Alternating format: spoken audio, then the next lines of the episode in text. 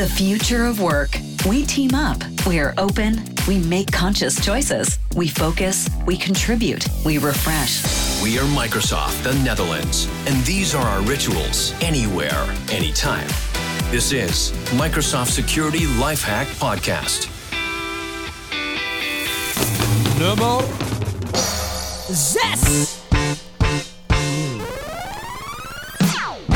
Ja, daar zijn we weer. Microsoft Security Lifehack Podcast presents de basismaatregelen. En eh, dit is basismaatregel nummer 6. Ja, zoals je net hoorde, nummer 6. Maar leuk dat je het ook nog even herhaalt, eh, Erik. Eh, leuk dat jij er bent. En we doen het vandaag niet alleen. Ik zit hier met Ronnie en ik zit hier met Stefan. Die zal zich zo introduceren. Stefan de Pater van Cloud Life. Maar de rest doet hij zelf introduceren. Anders is het Ja, wel... anders, anders luisteren we alleen maar naar jou natuurlijk. Ja, dat- en- ja. Dat is niet de bedoeling.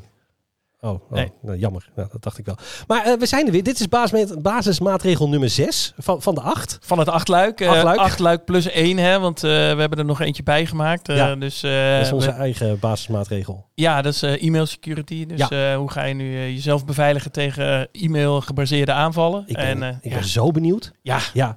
Maar ook leuk dat jij er bent, Ronnie. Ja, dankjewel, Jeroen. Ja, We hoeven nu niet op elkaar schoot te zitten zoals we een van de vorige afleveringen gedaan hebben. nee, dat was een memorabele aflevering. Ja. Eh, maar goed, eh, ja, laten we vooral kijken wat we vandaag te bespreken hebben over eh, basismaatregel 6. En dat Eh, is, dat gaat over. dat bepaalt bepaal wie toegang heeft tot systemen. Nou, dat is mooi. En daar hebben we een specialist voor uitgenodigd. En dat is Stefan. Ik zei het nog even. Stefan, eh goedendag. Ja, we Ja, weten niet of je s ochtends 's avonds luistert. Maar eh, misschien kan je even voorstellen. Ja, yes. Ik eh, ben Stefan Pater, werkzaam bij, bij CloudLife. Ik werk daar als security en compliance consultant. Ehm, ja, en, eh, en wij, wij geven voornamelijk advies eh, over alle security en compliance onderdelen van, eh, van de Microsoft oplossingen aan, eh, aan, ja, aan zoveel mogelijk organisaties om ze zo veilig mogelijk te laten werken. Oké, gaaf. En hoe lang bestaan jullie al? We staan ongeveer vijf jaar. Ja, Vijf jaar ja, ondertussen. Ja, ja. Vijf jaar. En echt, ontstaan als een security club, toch? Ja, klopt. Ja, nou, eerst al staan als, als Microsoft oplossing ook SharePoint, maar ja, later daarna echt een sterke focus op, op security en, en nu ook ja, heel veel compliance, compliance oplossingen. Ja, Ja. nou, dat sluit ook goed aan op het onderwerp van vandaag. Eh, bepaal wie toegang heeft eh, tot uw data en systemen. Belangrijk, En systemen. en systemen. Hè? En eh, ik ben wel erg nieuwsgierig, Jeroen, hoe jij dat vroeger deed. Oh ja, dat is natuurlijk zo. Wat, wat deed ik altijd vroeger daarmee? Nou, eh, eigenlijk, eh, eh, misschien kan je nog herinneren dat je van die diskettes had. Ja. Ja, en eh, nou, die stopte ik dan in mijn zak. En eh, om data te beveiligen dat niet gekopieerd wordt, zat er zo'n zo'n klein lipje aan, weet je nog. En dan kon ik dat lipje dicht trekken of open doen. En als die open was, dan kon je niet, laat maar zeggen, opslaan. En als je dan dicht was, dan kon je wel opslaan.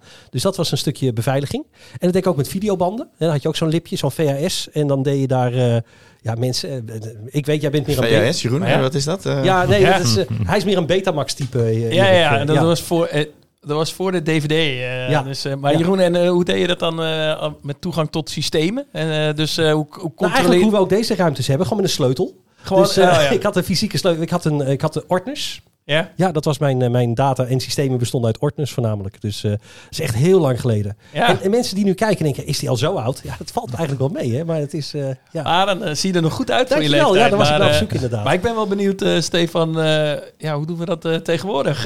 Want ja, ordners, eh diskettes, weet je, ik ken de diskettes alleen nog van het save-icoontje, weet je, zo ziet hij eruit.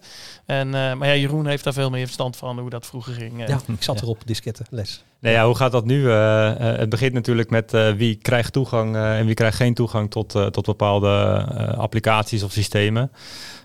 Microsoft heeft daar natuurlijk een hele mooie oplossing voor, genaamd PIM, Privileged Identity Management.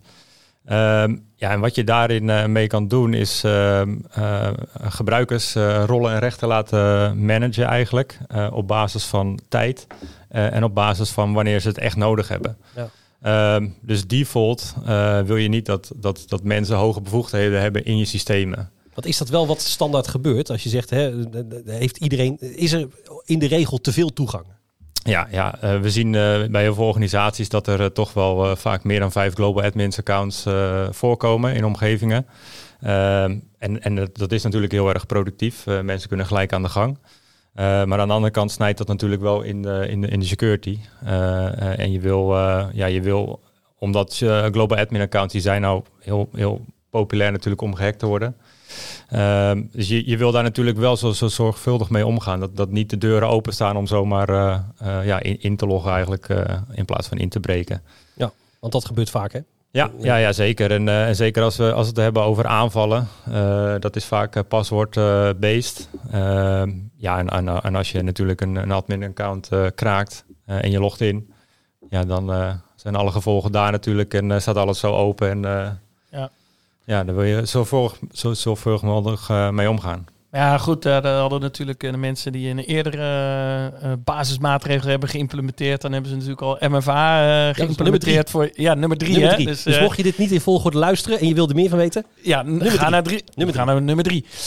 dus um, en uh, Ronnie, ik, ik las laatst op een Microsoft Security blog dat we een mooi nieuw nieuw product hebben aangekondigd. Volgens mij heet het iets van Entra. Uh, wat houdt het in? Klopt, ja. ja uh, Microsoft Entra is feitelijk uh, een nieuw label voor een aantal security oplossingen. En dat is eigenlijk een nieuwe paraplu waaronder het stukje Azure AD valt. decentralized or verified credentials.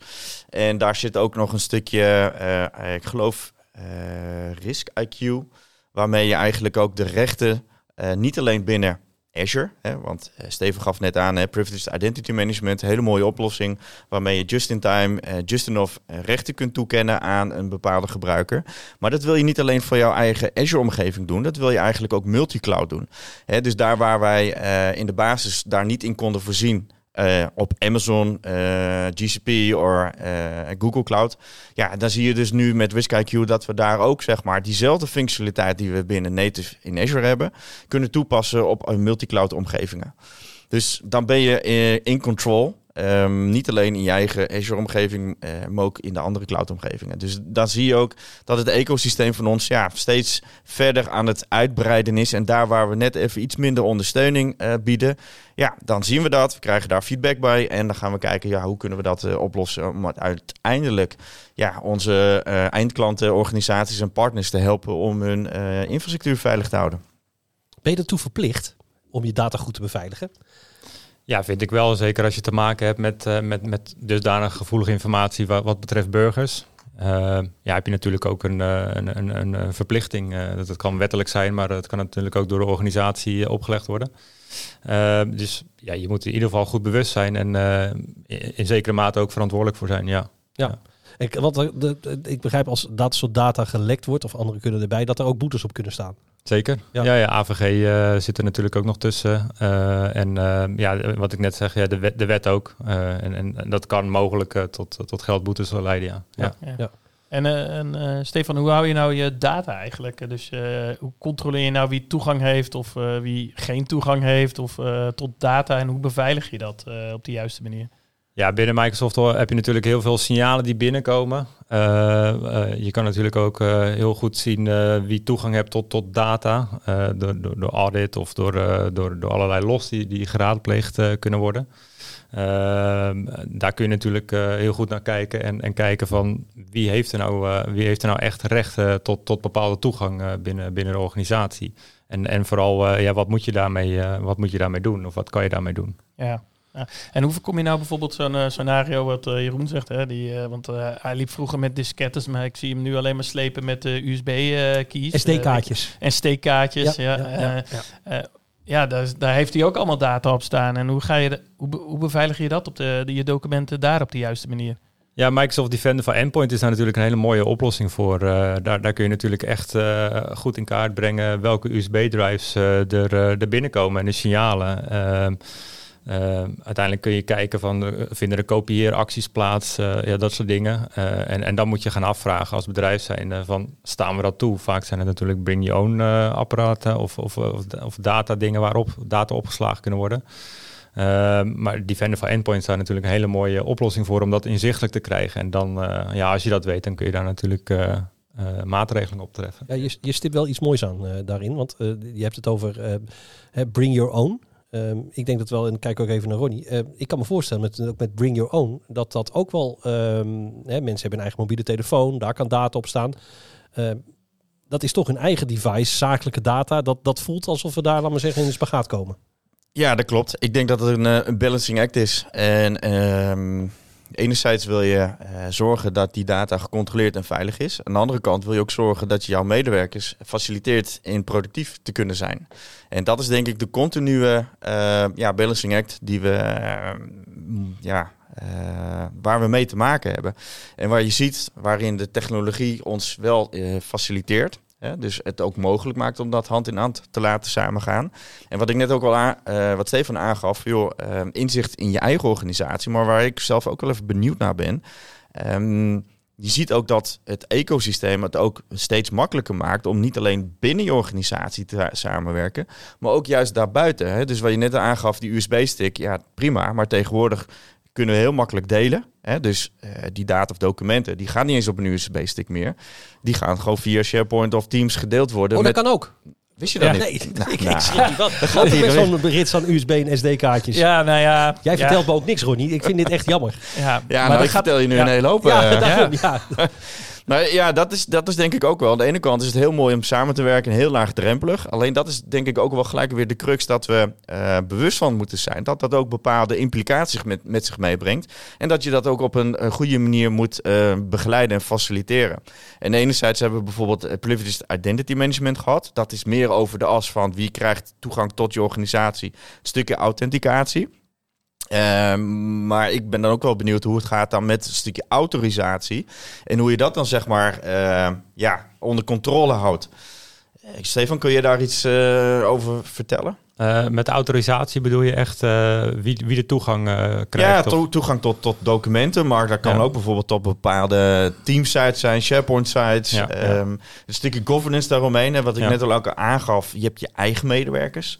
Maar je kunt ook heel makkelijk mensen van buitenaf uitnodigen om binnen jouw omgeving samen te werken. Zeker, en hoe zorg je daar bijvoorbeeld dat uh, mensen die uh, met het project hebben meegedaan, het project is afgerond, ja, houden die mensen dan nog steeds toegang tot jouw omgeving? Hè? Of dat soort dingen. Hoe, ja. ja hoe kun je ja, Goeie vraag. vraag. Ja, ik heb uh, andere webinaar geleerd dat uh, degene die met de meeste rechten is degene die het langst bij een bedrijf werkt.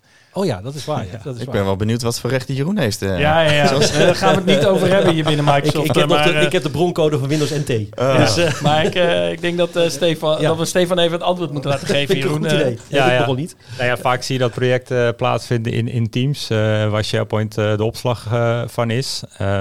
vaak heb je natuurlijk te maken met mensen die die, die teams gemaakt hebben, de, de owners ervan.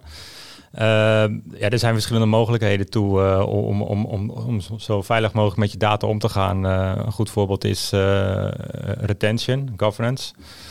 hoe lang is zo'n project geldig? Ja, in sommige gevallen hoeft de, hoeft de inhoud niet lang bewaard te blijven. Een project heeft een begin- en eindtijd. Daar zou je iets mee kunnen doen. Maar je kan natuurlijk ook kijken naar dataclassificatie. En, en dat kijken van met, met alle ingebakken functionaliteit van, van de dataclassificatie oplossingen, sensitivity information types. Mm -hmm. Je kan kijken van komt hier gevoelige informatie voor?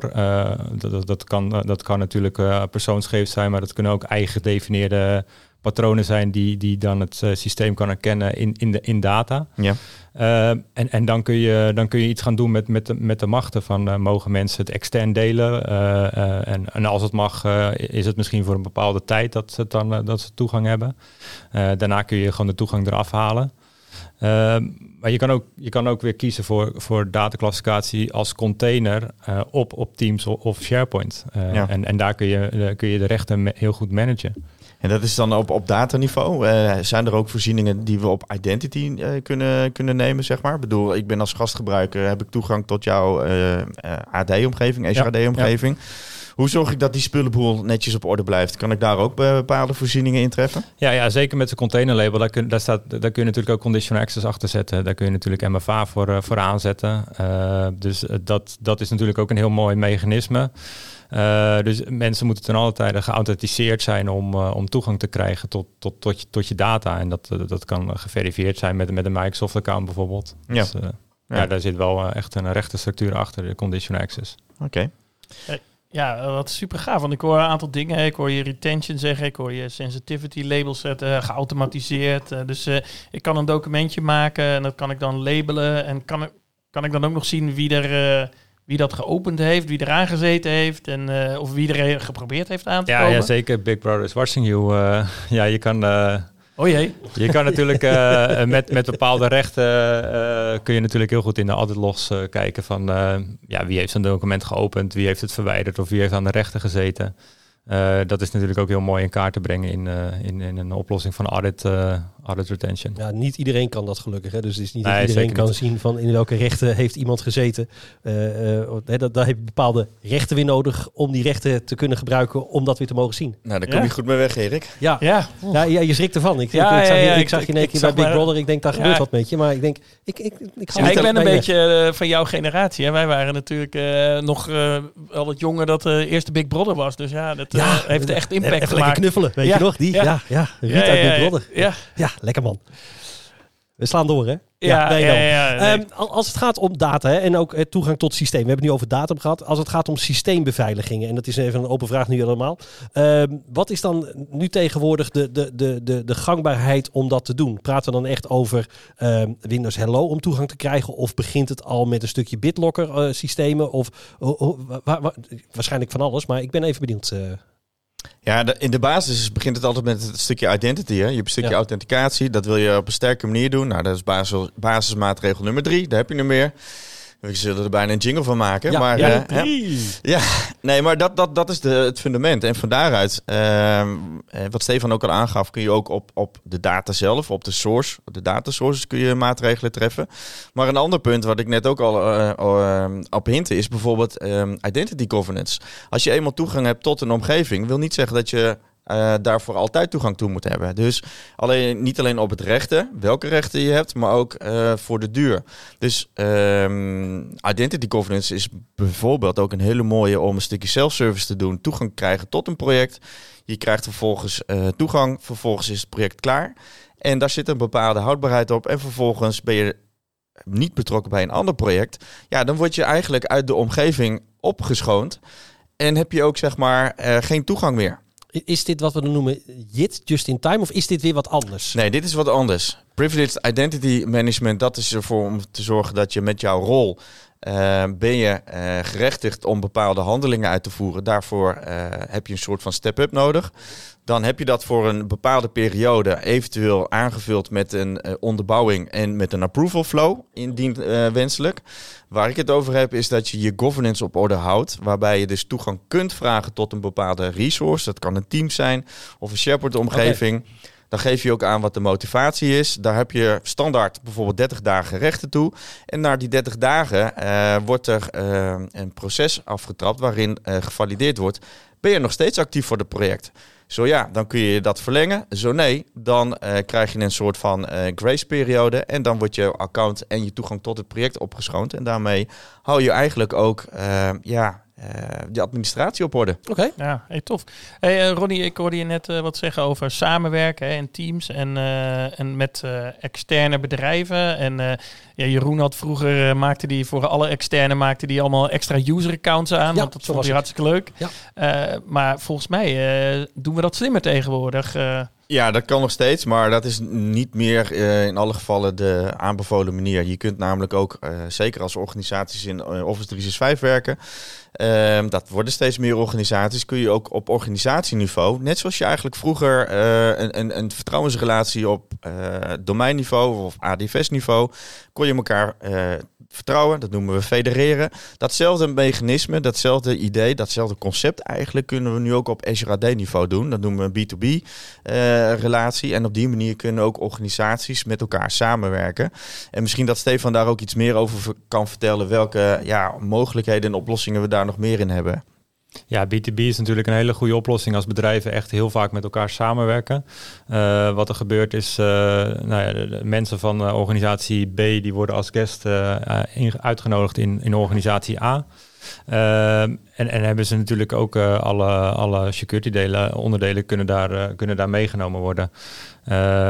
Op die manier ma- wordt het samenwerken juist eh, ja, veel soepeler en eh, is het een, een veel mooiere overgang en, en, en kan je heel goed sa- samenwerken juist. Dus dat Ja. is natuurlijk een hele mooie oplossing, eh, zo'n B2B eh, oplossing. Ja, en volgens mij gaat het nog verder zelfs, waarbij je ook kunt aangeven dat je niet alleen toegang hebt tot de hele omgeving, maar ook op bepaalde niveau, zeg maar, kunt aangeven waar je rechten toe hebt, zeg maar.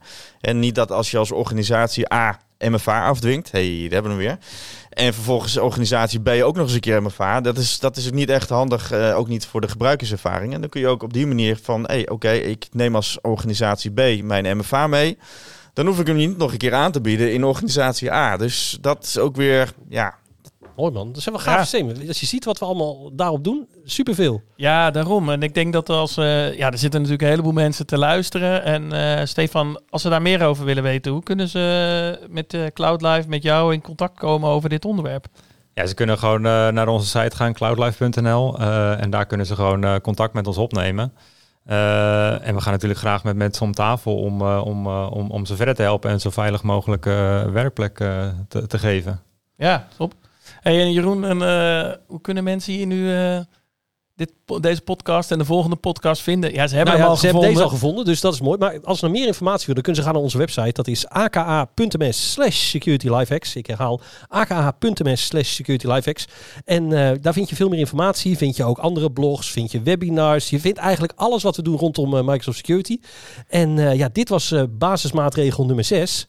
De volgende is, wat denk je? Ja, ik denk nummer 7. Nummer maar zeven, Wat ik wel merk, hè, Ja? is we zijn al over de helft. En eh, we gaan toch hard naar het einde. We Dus, gaan eh, ja. langzaam richting het einde. Ik, eh, de emoties zullen hoog oplopen bij Ja, de laatste, ja, ook. Dus helemaal goed. Dus iedereen super bedankt voor het luisteren. Stefan, jij ontzettend bedankt. Ronnie, Erik. En eh, we zien jullie graag weer de volgende keer bij aflevering nummer 7.